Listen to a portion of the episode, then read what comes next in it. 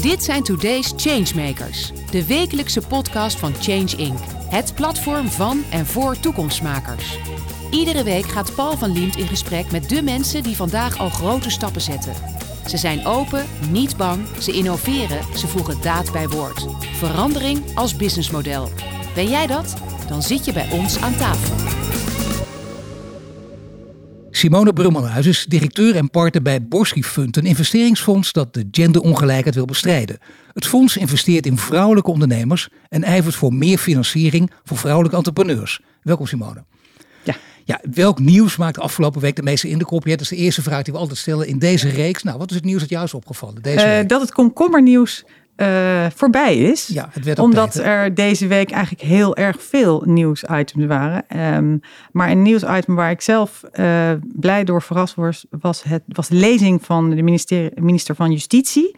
De HJ schoollezing, waar zij toch wel met veel lef eh, en ook, ook wel veel ehm, eh, eh, ja, gedachten, ook over de overheid en over de burgers, een paar stellingen poneerde die, die ik wel, eh, dat kon ik wel waarderen dat ze dat deden. Of je er nou wel of niet mee eens bent. Het was niet de kool en de geit sparen wat je eigenlijk Ja. gewend bent in zo'n lezen. Daar kun je ook heel makkelijk je vanaf maken door, door gewoon niets te zeggen. Het was gewoon, hè, los van de inhoud wat je ervan vindt, inderdaad een stevige lezing. Precies, dus dat was... Dat is een goede kwaliteit Ja, van hè? iemand. toch? En naast de koningin, eh, uit Engeland natuurlijk. Hè? Want eh, de Queen Elizabeth, dat eh, is natuurlijk wel echt...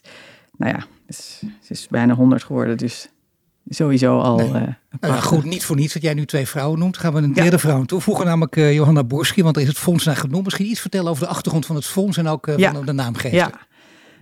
De naamgever is een, ehm, een van de eerste investeerders in Nederland. die haar geld op een zeer goede manier spendeerde. Zij, zij nam beslissingen die met lef door te investeren bijvoorbeeld in de Nederlandse bank of voorloper van de ABN AMRO, terwijl niemand dat nog durfde. Ehm, en eh, wat ook wel eh, frappant was, is dat zij eigenlijk eh, geen aanwezigheid mocht hebben op de beursvloer. Dus zij zat in een koetsje buiten de beursvloer. en had een mannetje die dan heen en weer rende eh, met haar opdrachten en met haar Oh, er wel een investeringsbeslissingen. mannetje voor, dat wel. Ja, eh, dat is, het is ook altijd, eh, ze was een weduwe, dus het is altijd de vraag of dat alleen maar een zakelijke relatie was. En, en dus dat was eigenlijk een hele bijzondere, een van de eerste vrouwelijke investeerders van Nederland. En dat vonden wij een goede naamgever voor, voor ons fonds. Ehm, en die naam kwam ik eigenlijk op omdat ik jaren geleden, dat een keer bij andere tijden, een, eh, eh, daar iets over had gezien. En toen dacht ik, oh, als we een fonds gaan oprichten, dan ga ik het naar haar noemen. Dus, eh, en toen had ik al meteen die domeinnaam geponeerd. En die heb ik gewoon na, nou, echt jaren later gedacht, hey, dat gaan we nu eh, gebruiken. En het fonds, om daar even op terecht te komen, Borski Fonds is een fonds wat we investeren in ondernemingen waar ook vrouwen risico nemen. Dus die als ondernemer en aandeelhouder daar eh, eh, in bij betrokken zijn. Uh, maar het bijzondere van ons fonds is dat we ook daardoor investeren in heel veel bedrijven die um, gericht zijn op vrouwen. Um, en omdat we deze, um, dit, deze, deze fondsomschrijving uh, en, en, en deze fondsactiviteit hebben, trekken wij zelf ook veel investeerders aan die vrouwen zijn. En bovendien doe je niet zo. Maar wat even kort uh, voor je achtergrond voor de mensen die hier zijn die jou niet Ja. kennen. Je bent een hele bekende vrouw achter de schermen, succesvol ondernemer. Je, hebt, je bent ook multicommissaris bij grote bedrijven. Dus je weet precies waar je over praat door de wol geverfd. Dat is wel belangrijk om even te weten. Het is niet zomaar een fondsje dat je opricht. Je denkt, Nee. oh, dat is een leuke tijdbesteding. Nee, nee, nee, nee, Het is echt het is belangrijk. Long je wil time echt coming. Precies, en, en er moet gewoon ook iets gebeuren. Want Ja. als ik naar die cijfers kijk, die zijn toch wel, ik denk goed om die even nu ook uh, hardop te Ja. zeggen. Want hoe zit het eigenlijk precies met, met het venture capital? Wat gaat er naar, wat gaat er naar, naar vrouwelijke ondernemers? Wat gaat er naar gemengde teams? Wat Ja. gaat er naar mannen? Ja, dat, uh, dat uh, getal, uh, de, de, percentages eh, die veranderen de laatste jaren totaal niet. Ehm, dus daar gaat nou, ik denk 93% naar teams die opgericht zijn door mannen. Ja. dan gaat er, um, ik geloof 7%, nee, want dan zit ik al op 100. Dus ik denk dat 90% nu naar alleen mannenteams gaan, 7% naar mixteams en 2% uh, 3% naar uh, bedrijven die begonnen zijn door vrouwen. Maar er zijn een soort Noord-Koreaanse cijfers. Ja. Hoeveel er naar mannen gaat, dat is, ik Ja. vind het echt bijzonder. Ja. Maar wat, wat is de belangrijkste reden daarvoor? Ja, er zijn heel erg veel. Het is heel veel onderzoek door, door gedaan. En dat is soms ook wel eens uh, dat je denkt: laten we eens ophouden met die onderzoeken. Laten we nu beginnen met de oplossingen. Uh, want er is echt heel veel data. Um, en uh, een van de redenen is dat de investeringsfondsen die er zijn in de wereld opgericht zijn door mannen. En die investeren heel graag in iets wat ze kennen. En dat zijn andere mannen. die zitten ook vaak in hun netwerk. Dus het is ook een netwerk. Um, uh, reden. Um, ja, dan krijg je weer dat excuus, toch, toch slap excuus langzamerhand vind ik ook van we kunnen ze niet vinden. Nee. Nou, dan geef je mij aan dat je in het verkeerde netwerk ook zit. Um, ja, en het is ook de, de soort bedrijven waar je dan interesse in hebt. Uh, dus vrouwen, uh, je moet, je moet je, ja, het is eigenlijk een heel simpel. Vrouwen met elkaar, die komen op andere problemen en op andere oplossingen. Uh, gemixte teams komen ook weer, denken ook aan andere problemen die ze graag willen oplossen. En dus komen ze met andere innovaties. En mannen alleen die komen ook weer met hele andere innovaties. En als je daar oog voor zou hebben, dan zou je denken, ja, maar in al die innovaties moet je dus eigenlijk investeren. En dan zou je het eigenlijk heel raar vinden dat die percentages zo verschillend zijn. Ja, het is raar. En uh, je zegt, er moeten meer oplossingen komen onderzoeken. Dat, dat wil ik volledig onderschrijven. Ja. Natuurlijk, hoewel één onderzoek wel belangrijk is van de London School of Economics. En dat gaat over gemengde teams. Ja. Als mensen dan nog twijfelen, dat weet je. Ik, ik refereerde zelf vaak aan de interviews. Ik heb het ook gelezen. Je weet dat het ook zo is. Dat, dat, dat zijn nou echt de harde feiten. Je weet gewoon dat, dat die is, beter presteren. Ja, maar dat is, dat is zo. Dus in gemengde teams, uh, daar, wordt ook op, daar zie je ook echt wel een, uh, dat er meer in op dit moment wordt in geïnvesteerd. Maar hoe het begint, ondernemingen beginnen vaak doordat je om je heen kijkt en je, uh, en je denkt, oké, okay, ik ga met die een bedrijf ja. beginnen. En vrouwen kennen meer vrouwen, dus beginnen ze vaak met een andere vrouwenbedrijf. Mannen kennen meer mannen, beginnen met een andere mannenbedrijf. En eigenlijk wat je nu ziet, is dat als vrouwen met uh, dat, uh, dat als vrouwen met elkaar een bedrijf beginnen, dan zijn ze dus, dus in, ja, dan zijn ze, is een enorm nadeel. Dus om nou te zeggen, al die vrouwen moeten er een man bij, want dan heb je een mixed teams en dat is beter, want al die mannen worden sowieso al. Zeker. Dus eigenlijk vind ik de oplossing om te zeggen, ga er maar alleen maar in mixed teams, dat is nog een nadeel van die vrouwen die met elkaar een onderneming Nee, vandaar dus dat het op deze manier gewoon ja. verder moet. En dat geeft dat, dat, dat, enorme kleine percentage ook aan. Toch gek, hè? want het is wel 2022, ja. er wordt wel veel over gesproken. Ja. Je ziet over om je heen, als ik één ding uit mag pikken, bijvoorbeeld, dan krijgen we de jaarlijkse uh, Female Index Board. Heel goed natuurlijk dat die ook bestaat. En dan zie je uh, gewoon koppen in kranten, denken mensen, oh het zit wel goed, ook in bedrijfsleven. Kijk maar, uh, nu eindelijk voor het eerst meer in raden van commissarissen, meer vrouwen dan mannen. Dat is allemaal zo, dat klopt ook. En de quota wordt voldaan, maar niet in raden van bestuur. Nee. Want daar zie je ook nog steeds die hele kleine cijfers, toch? Precies. Hoe zit, hoe zit dat dan? Waarom blijft dat dan zo achter bij commissarissen? Ja, ik denk uh, dat uh, er eigenlijk ons, hè, het, is, het is makkelijker om die uh, pijplijn te vullen met commissarissen op dit moment. Want er, uh, niet als je als eis hebt dat het iemand moet zijn die ook CEO is geweest van een bedrijf met 2000 uh, mensen. Maar als je van oordeel bent dat een commissaris het beste kan functioneren met een diverse team. Dus niet alleen maar met dezelfde soort mannen van uh, 60 die uh, een bedrijf van 2000 mensen hebben geleid, maar dat er iemand moet zitten met een HR-achtergrond of met een juridische achtergrond of iemand die een consultant is geweest of iemand met een financiële achtergrond, dan sowieso wordt de vijver al groter en dat is dus makkelijker om dan die RVC te vullen. Terwijl dat hele idee van dat je een uh, sprong kan maken uit een totale andere discipline en dan CEO kan worden bij uh, een bedrijf, dat is eigenlijk nog maar recent. Er zijn natuurlijk wel voorbeelden, hè, wie bedraaier, die van McKinsey opeens ja. uh, CEO werd van Rabo. Bij Schiphol hebben we iemand die, ik zeg we, omdat ik namelijk commissaris ben bij Schiphol. Zeker. Maar, ook een leuk onderwerp om over te praten, maar zeker? dat doen we vandaag maar niet. daar hebben we ook iemand, dus daar is ja. dat nog maar net, dat je niet die traditionele route hebt moeten afleggen om CEO te worden. Ja. Dus ik zie dat wel gebeuren. Nu, maar dan zou de volgende stap zijn dat vrouwen dat ook kunnen. Ik weet niet of je onlangs het interview, ik meen in NRC hebt gezien met Manfred Ketsen-Vries, CEO, fluisteraar, psychoanalyticus, iemand die al jarenlang onderzoek doet.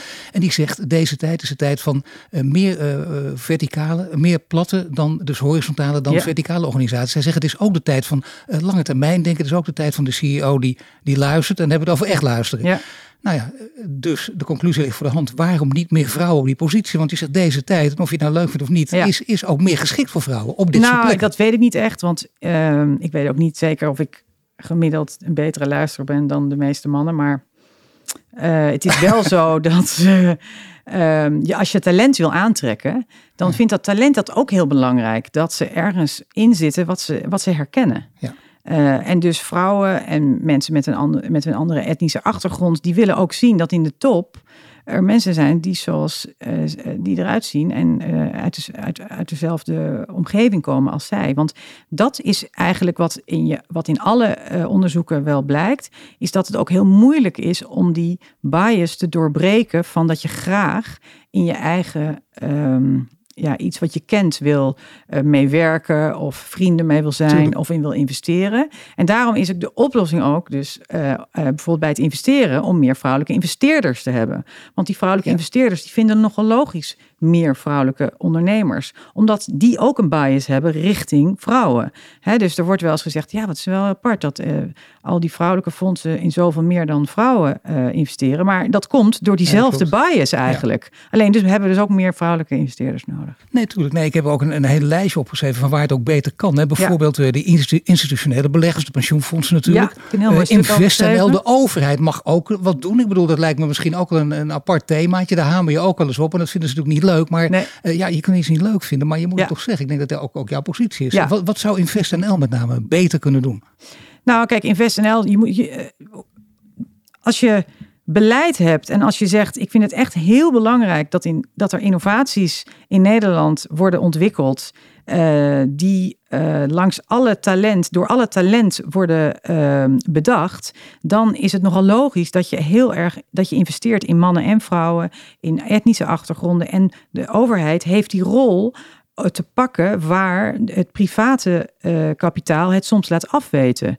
Dus je, wel degelijk heeft de overheid hier een hele grote rol. Want je wordt niet van de ene op de andere dag uh, een fondsbeheerder van 200 miljoen. Dus je moet eerst beginnen bij die uh, beginnende bij wijze van spreken vrouwelijke fundmanager of bij die beginnende etnische fundmanager die geen netwerk heeft om zich heen die dat fonds kunt, kan vullen. Dus um, de overheid moet beleid hebben om die, uh, dat brede palet in te gaan investeren. En dus moeten daar mensen zitten aan hun kant die dat ook echt willen. Want uiteindelijk hangt het af van mensen. geen voorbeeld geven. Want de overheid zegt zelf altijd dat ze dit voorbeeld wel degelijk geven. Maar als het dan in de praktijk uh, op neerkomt, doen ze dat niet. Nou, als je bij Borsky Fund kijkt, dan hebben wij uh, de centrale overheid, dus RVO, die doet altijd een tender één keer per jaar voor uh, fondsen om uh, een stuk van hun financiering via de overheid te krijgen. En daar is de afgelopen jaren zijn wel stappen gemaakt om inclusiviteit en diversiteit als een criteria te hanteren bij het toekennen van dat geld. En wij hebben zelf ook de NOM als aandeelhouder gekregen en het LIOF. Dus zowel in het noorden als het zuiden hebben ze gezegd: diversiteit is voor ons heel belangrijk, dus daarom willen wij in Borski investeren. Um, dus je ziet een begin, maar als je kijkt naar absolute getallen is het eigenlijk veel te laag. Nee, daarom. En je moet natuurlijk de daad bij het woord voegen. Het gebeurt een beetje. Ik begrijp één ding wel, namelijk uh, het is makkelijker gezegd dan gedaan. Omdat je toch een risico altijd neemt. Daar gaat het altijd over. En dat wordt interessant hè. Als over vrouwen gaat, maar zie niet alleen bij vrouwen, zie je ook in, in andere omstandigheden. Iemand uit een andere achtergrond. Dat is altijd een risico. Ja. En anders kijken we lekker naar de toekomst. Hoe gaan we doen? Dan weten we het eigenlijk al, de, de zaak is al beklonken. Ja, dat zijn die vragen die gesteld worden. Ja, maar dat is toch het gekke. Hoe, hoe, kun je dat, hoe kun je dat draaien? Ja. Nou, de, ja, als je aan de andere kant van de tafel zit, dus als ondernemer, moet je dat dus zelf gaan draaien. Want dat is iets wat uit die uh, onderzoeken naar voren komt. Dat als je als investeerders een vraag stellen aan een vrouw, dan is het een vraag die over het risico gaat. En dan ga je dus uh, meteen praten over alles wat niet goed is aan je bedrijf of wat gevaarlijk is aan je bedrijf. Terwijl als, als aan een man dus een vraag stellen, vragen ze over hoe groot kan het worden, wanneer ga je naar Engeland, wanneer ga je Amerika veroveren. En dan krijg je die droom te horen in plaats van alle risico's. En dan is het natuurlijk nogal logisch dat aan het eind van het verhaal die droom wat meer aansprekend is dan alle risico's. Dus daar ligt ook iets eh, enerzijds voor de investeerders om dat te begrijpen dat ze dat doen. En aan de andere kant van de ondernemers om die vragen om te buigen. Nou ja, het gekke is dat je dan kijkt je waar zou dat wel kunnen. Bijvoorbeeld uh, bij, bij, nou laten we zeggen, bij zorg en welzijn. Dat is echt een speler in de zorg waar heel veel vrouwen werken. En ik, ja. nou, daar ligt het ook voor de hand. Ja. De vijver is heel groot, daar gebeurt wat. Ja. Maar als ik het goed heb, ook daar nee. gebeurt naar verhouding heel nee, weinig. Nee, nee, dat zie ik ook. Uh, ik, heb, ik heb zelf een tijd geleden heb ik een opiniestuk geschreven over de pensioenfondsen. En uh, kijk, pensioenfondsen die, die, die, hebben natuurlijk een rol om goed uh, op, ons pensioen, op uh, onze pensioenen te letten voor de toekomst. En het moet een heel gebalanceerd investeringscriteria hebben die. Maar het is wel zo, als die maar een klein beetje echt een klein beetje in, uh, in Europa naar die risicocategorieën zouden gaan investeren. En met name de risicocategorieën die betrekking hebben op hun achterban. Uh, dan maak je een enorm verschil in de innovaties. Dit gebeurt al in Amerika. Daar zijn pensioenfondsen veel actiever in venture capital. Maar om een voorbeeld te geven, er zijn veel meer vrouwen die met innovaties komen um, in de medische omgeving. Waarom is dat? Omdat er veel meer vrouwen uh, in de medische omgeving werken. Uh, en omdat als je kijkt naar de universiteiten, zijn er gewoon ontzettend veel meisjes die uh, medicijn studeren, biotech, biomedical engineering, uh, life science en technology. Ja, die, die, komen al, die komen allemaal met innovaties dat ze denken, hè, waarom is dit nou nog niet gebeurd? Dus daar, daar zijn dus veel meer vrouwen die met innovaties komen. Wat zou het nou mooi zijn als de grootste, een van de grootste pensioenfondsen die geld krijgt uit de zorg, dan meer gaat investeren in die zorginnovaties. En dan heb je echt die cirkel rond. Uh, en dan geef je ook iets terug aan die zorgprofessionals die eerlijk gezegd op al die innovaties zitten te wachten. Ik zou hier graag op willen schieten, alleen omdat het ook goed is. Ook als er iets niet waar is in deze redenering. Maar ik heb het, dit, is gewoon waar. Met name zorg en welzijn. Daar heb ik me ook echt ja. toch, het hoofd over gebogen hoe dat nu kan. Want je hebt helemaal gelijk. Steeds meer vrouwen die daarin zitten, innovatief. En bovendien uh, ook letten op vrouwelijke Precies. ziekten. Dat is eigenlijk ook eens een onderwerp geworden. Ik, ik weet het ook. Ik heb het vaak... Gisteren een petitie, ook, Gisteren de petitie overhandigd. Precies, daar gaat het daarom. Dus op het moment dat we erover praten ook. Dus dat, dat speelt ook nog eens een rol. Dan denk je, daar zou een stap genomen kunnen worden. Neem je echt geen groot risico. Want je, wordt, je wordt er misschien zelf ook weer op afgerekend. Dat de mensen zijn altijd een beetje bang. Dat snap ik ook wel. Maar hier zou je toch wel uh, iets kunnen gaan doen. En dan hoop je dat je voorbeelden kweekt. En daar kun je dan naar wijzen. Ja, en het is ook leuk. Wij hebben met Borski Fonds uh, samen met INSEAD uh, hebben we een onderzoek gedaan. Waarin we zeiden, nou, wat zijn nou... INSEAD bekend van de grote ja, leiderschapscursus ja, internationaal. Precies, waar die Manfred Ketsenvries volgens mij ook les heeft zeker. gegeven.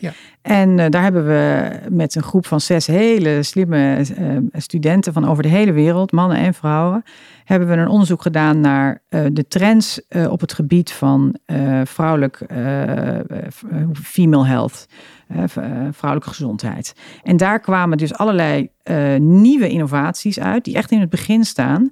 Um, waar nog veel te veel weinig geld uitkomt. En daar hebben we ook allerlei bedrijven met hun geïdentificeerd. En gezegd, nou, dat zijn dus bedrijven die net daarin begonnen zijn. En zo hebben we ook die investeringen gedaan. En zo hebben we ook andere fondsen meegekregen en gezegd: kijk, dit is, we hebben een innovatie in Berlijn gedaan. Inne, die doen op basis van speeksel je hormoonspiegel zelf te kunnen uh, traceren. Uh, maar zo hebben we ook een investering gedaan in een. Um, een, een trainings- en technologie die je uh, verzakkingen van de baarmoeder probeert te repareren. en dat zijn natuurlijk ja, innovaties die ja, gewoon niet altijd in de Kamer worden besproken. Als je het hebt nee. over stepjes en weet ik veel, de zoveelste deelstep. Nee, dan worden er opeens hele flauwe grappen gemaakt. En denk ik, wist je dat mannelijke ja. CEO's er toen in staat waren. Maar ja. dat weten we allemaal dat ja. dat wel degelijk zo is. Ja, en dan wordt gezegd dat mevrouw even vragen. In plaats van dat ze er tien analisten op loslaten. Zegt dan die mannelijke investeerder. Weet je, ik vraag het even mevrouw of dit echt uh, nodig is. Ja, maar dat, dat is, dat, dat, dat, dat ja, vroeger kon ik ook een beetje lachen. Ik, nu vind ik een soort medegeven. Nee, ik kan er bijna niet meer tegen. Denk, nee, ja, kan op, kom op, volgende stap nemen. Nou is het wel fijn als je stappen zet. Dat je, je geeft nu wel wat voorbeelden. Maar dat er ook uh, echt letterlijk voorbeelden zijn. Ik zeg, ik kan namen noemen. Uh, bijvoorbeeld dat geld dat begint al met business angels natuurlijk. Er zijn er vrouwen, ja, natuurlijk Melinda Gates. Ja, Zeker oh na de scheiding. Dat die, die, hadden, wij, die, hadden wij maar een Melinda Gates in Europa. Daarom, dan dat, zouden dat we, zou ja. ons fonds al zoveel groter zijn. Ik bedoel, we hebben nu een fonds van uh, ruim 40 miljoen opgehaald. En daar ben ik zeer blij mee. En het is, uh, en het is een fantastisch uh, groot fonds. Maar wat je ziet in Amerika is dat zo'n Melinda Gates dan zegt... nou, diversity, inclusion en gender is voor mij een speerpunt. En hup, ze hebben een fonds van 150 miljoen. Ja, maar die heb je dus echt, dat, dat soort toeval dat het in Amerika bestaat, dat, dat is denk ik wel het geval ook. En toeval nou, ook dat, dat, dat, ze gescheiden zijn. Dat, nee, nee, nee, was het ook geluk dat ze bij elkaar waren gebleven? Misschien wel uh, trouwens. Ja, ja, ja, ja dat deed ze al toen ze bij elkaar waren. Nee, het is eigenlijk geen geluk. Nee, kijk, uh, in Amerika is al veel, veel langer zijn er uh, de grote investeerders hebben een achtergrond als technologieondernemer. Um, en begrijpen dus ook uh, de risico's die gepaard gaan met het uh, investeren in innovaties. Terwijl als je naar Europa kijkt, uh, hebben wij natuurlijk veel meer een achtergrond in familiebedrijven, ja. waarin het investeren in innovaties eigenlijk pas vrij recent is. en dus wij, onze onze groep van ondernemers, technologieondernemers die een bedrijf verkocht hebben, die is de laatste jaren pas aan het groeien. Maar dat is in Amerika al veel eerder aan de gang. Kijk, dus we zouden hier inderdaad een voorbeeld kunnen nemen aan Amerika. Dat is al duidelijk. Ja, dat dat ja. zou gewoon moeten. Ja. Maar kun je ook voorbeelden geven van, eh, wat je zei net, eh, kijk, Wie Bedraaier is een voorbeeld van een man inderdaad met een andere achtergrond die als CEO ergens is geparachuteerd. Maar zijn er ook vrouwen te noemen? Want je wil, ik, ik, ik, ik zie het zo vaak. hè, Dan Ja. is er een vrouw en die, dan gaat het mis. En dan wijzen ze allemaal, ja zie je wel. Nee, zie je wel, het gaat niet Ja. goed. Dat is verschrikkelijk. Dat wordt totaal verkeerd uitgegroot. Ja. Dat zie je op allerlei gebieden trouwens gebeuren. Ja, dat heet volgens mij, eh, dat heeft een naam. Dat, heeft, eh, dat heet volgens mij de Golden Cliff. Ja, dat, ja, dat is een hele, Ja. precies. Dat is een hele goede term. Nou, dat, zie je inderdaad eh, overal. En dat is wel iets wat ik denk zelf dat, tenminste wat ik mijzelf wel eens herken, is dat als ik bijvoorbeeld een, een, eh, op tv een, eh, een, een, een groep bijvoorbeeld bij zo'n eh, praatprogramma zie en ik zie daar een vrouw het niet goed doen, Ja. dan voel ik dat dus zelf in mijn eigen buik. En dan denk ik, hoe kan dat nou? Ik voel me hierdoor aangesproken. Terwijl als daar een man zit die echt de meest vreselijke opmerkingen maakt of er iets beweert wat niet waar is, dan denk ik dat er echt niet veel andere mannen zijn die dat voelen en denken, hè, wat vervelend, dat is representatief voor mij. Eh, en dus vrouwen voelen zich ook vaak heel erg Ja. representatief voor die vrouw eh, die daar zit. En die wil dus ook heel graag dat die vrouw ook gaat lukken. En dat hoeft helemaal niet, want Ik ook denk bij zo'n man inderdaad, eh, wat is dat voor lul? Weet je wel, dat, dat ja, eerder dat. precies. Ja. Maar dat ben ik niet. Ja, dat en, is, nee, dat is en vrouwen hebben dat dus minder. Dus die denken dan, hè, waarom is dat nou? Dan word ik daar weer op aangekeken of ik noem maar iets. En, dat, en, ik denk, natuurlijk moeten we daar zelf ook allemaal vanaf. Eh maar die gouden klif, dat is wel degelijk eh, eh, iets wat, wat, je, wat je wel ziet. En misschien is het ook wel zo dat vrouwen op een gegeven moment posities nemen die anderen op dat moment niet durven, omdat er bij wijze van spreken het niet zo prestigieus is. Omdat er bijvoorbeeld een bedrijf enorm in, in problemen is. Ik noem maar KLM. Eh, en daar zie je een vrouw die dan denkt: ik ga die positie wel eh, proberen en nemen. Terwijl daar op dit moment is daar echt wel een groot eh, afbreukrisico, eerlijk gezegd. En, Nou ja, een eh, vrouw die maar het ze lef is dus heel goed die- en ja, ze heeft het lef. Mirjam Rentel die Ehm, komt van de ja, NS en die gaat daar naartoe. Nee, zeker. Ja, dat is inderdaad een hele grote stap die je neemt. Maar op andere plekken is het ook belangrijk. Ook op, op eh, bijvoorbeeld VNO-NCW, dat je daar een keer Thijs hebt. Dat, is, dat zijn toch ook belangrijke plekken. Maar dan hangt het er inderdaad van af. Stel dat deze twee vrouwen na twee Ja. jaar het niet zo goed doen. Zie je wel, we moeten daar voortaan een man neerzetten. Dat is bijna zeker de reflex die dan gaat volgen. Ja, en En met, dat- met ook weer de oude reflex, we kiezen voor kwaliteit. Ik heb het ook te vaak gehoord. Ja. En denk ik, ja, er zitten geen argumenten meer achter. Nee. Het is gewoon irrationeel gelul Ja, eigenlijk. nee, ik vind ook altijd, eh, als we heel erg het over, eh, wat is het, eh versporen verdient en weet ik veel, dat soort Ja. dingen, dan denk ik, ja, ik, we moeten daar, het is altijd heel fijn als je in een, ook in een raad van commissarissen of in een board iemand hebt die, heeft, die ervaring heeft. Dat, is, dat moet je niet onderschatten, dat ervaring een enorme eh, belangrijk is om een bedrijf eh, naar, eh, naar succes te brengen. Maar innovativiteit en vernieuwing en, en al die andere facetten, die zijn ook heel belangrijk. En, en ook als een bedrijf het moeilijk heeft, dan is ervaring belangrijk. Maar ook vernieuwing en nieuwe ideeën en op een andere manier buiten de box kijken. En juist iets doen wat je niet eerder hebt gedaan. Dus, dus die, die reflex om meteen naar te gaan van wat je al kent, dat eh, ben ik het niet altijd mee eens. En het mag dus ook een keer misgaan. Hè? Want je, ik, ik ken genoeg, jij kent ze ook natuurlijk, mannen die, die op twee plekken bijvoorbeeld als CEO, het, laten we zeggen, zacht gezegd niet zo goed gedaan hebben. Die worden toch op een derde plek neergezet, want ze zijn heel ervaren. Dat is ook zo. Maar je hebt twee keer niet zo goed gedaan. Dus je had veel beter Ja. dan, eh, je kunt het dan met een nieuw iemand Ja. beter proberen. Ja. Je, hoeveel invloed heb je? Want met jouw fonds, daar zou inderdaad veel meer geld in gepompt moeten worden. Maar ik heb het idee dat je de laatste tijd, je bent flink aan de bal aan het schudden volgens mij. Ik zie veel interviews, dat maar met, met, ja. met sterke argumenten, waardoor je denkt, nou dat is heel moeilijk om daar, om iets Ja, we te hebben, brengen. wat we bijvoorbeeld ook gedaan hebben, en dat is ook wel een, iets wat ik heel, eh, wat ook een teken is dat er ook veel meer gaat samen worden gewerkt tussen vrouwen onderling, is dat eh, wij met 25 fondsen uit heel Europa bijvoorbeeld eh, samen een rapport hebben geschreven om de data weer eens op een rij te krijgen. Zodat je niet hoeft te zeggen, laten we weer eens een onderzoek doen. Dan Nee, ben je weer twee jaar verder. Ja. Dus die data, die, die, die hebben we en die hebben we mooi opgeschreven. Ehm, en daar hebben wij eh, naar de Europese Commissie en eh, naar eh, de commissie, commissielid Gabriel hebben wij gezegd, ja, eigenlijk moet er ook vanuit de, hè, aan de top moet daar weer geld uh, in. Uh, dus uh, zowel de pensioenfondsen als bij de Europese Commissie, als het Europees Investeringsfonds. ja, daar op allerlei manieren proberen we met samenwerking en met andere vrouwen en met andere fondsen dat voor elkaar te krijgen. En dat is echt wel een hele mooie ontwikkeling. Ja, en daarbij dus handig dat je, dat je lekker die onderzoeken voor bent. Gewoon ja. omdat je dit altijd, dit kun je altijd meegeven. Er zijn echt heel veel onderzoeken. Er zijn ook heel veel, kijk, tuurlijk zijn er ook nieuwe onderzoeken. En Uh, en, en dat is een iets anders. Weet je, wij moeten ook de vrijheid hebben in een fonds om ook uh, bedrijven die niet lukken. Weet je, want je neemt toch uh, innovaties. Dus elk fonds moet gewoon, heeft toch die, die gaat in, in, in deze, in deze omgeving winnaars hebben en verliezers. Tuurlijk. En, en daar kun je dus, dat, is heel mooi. Hè? Daar kun je met, je met je fondsen echt een grote rol in spelen. Met name als er nog meer geld in zit. Daarnaast uh, ben je dus zeg ik al multicommissaris. Kun je ook een grote rol spelen. Maar dat is voor veel mensen toch vaak nog ongewis. Zeker van de buitenkant. Dat wat kan een commissaris, wat kan een, een groep vrouwelijke commissarissen voor elkaar krijgen? Ja. Uh, mensen die hooguit 8, 9, 10 keer per jaar dus hè, bij een bedrijf uh, kijken. Nou, kijk. Um, het is waar dat als het goed gaat bij een bedrijf dat je inderdaad uh, zo'n acht tot tien keer uh, meepraat uh, met de directie over bijvoorbeeld de strategie, over, over belangrijke beslissingen. Uh, maar dat is eigenlijk natuurlijk niet meer wat, er, wat, je, wat je doet als er een crisis is. Want dan is dat gewoon een veelvoud.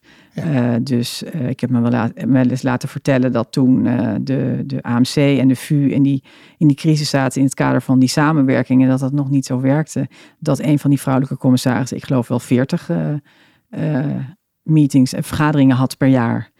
Dus, uh, dus de mythe dat je daar tien keer een beetje aankomt schuiven, dat is gewoon echt helemaal niet meer. Nee, maar dat is wel mooi, maar dan neem je zelf ook het risico. Ik, ja. Dat valt me ook op. Dat vraag ik heel vaak dit aan een mannelijke en vrouwencommissaris. Dat vrouwencommissaris dat veel vaker doen. Zie je dus een man die op die, die, die, die zit die, oh. piep erheen te gooien. Dat jij gewoon geen antwoord mag geven.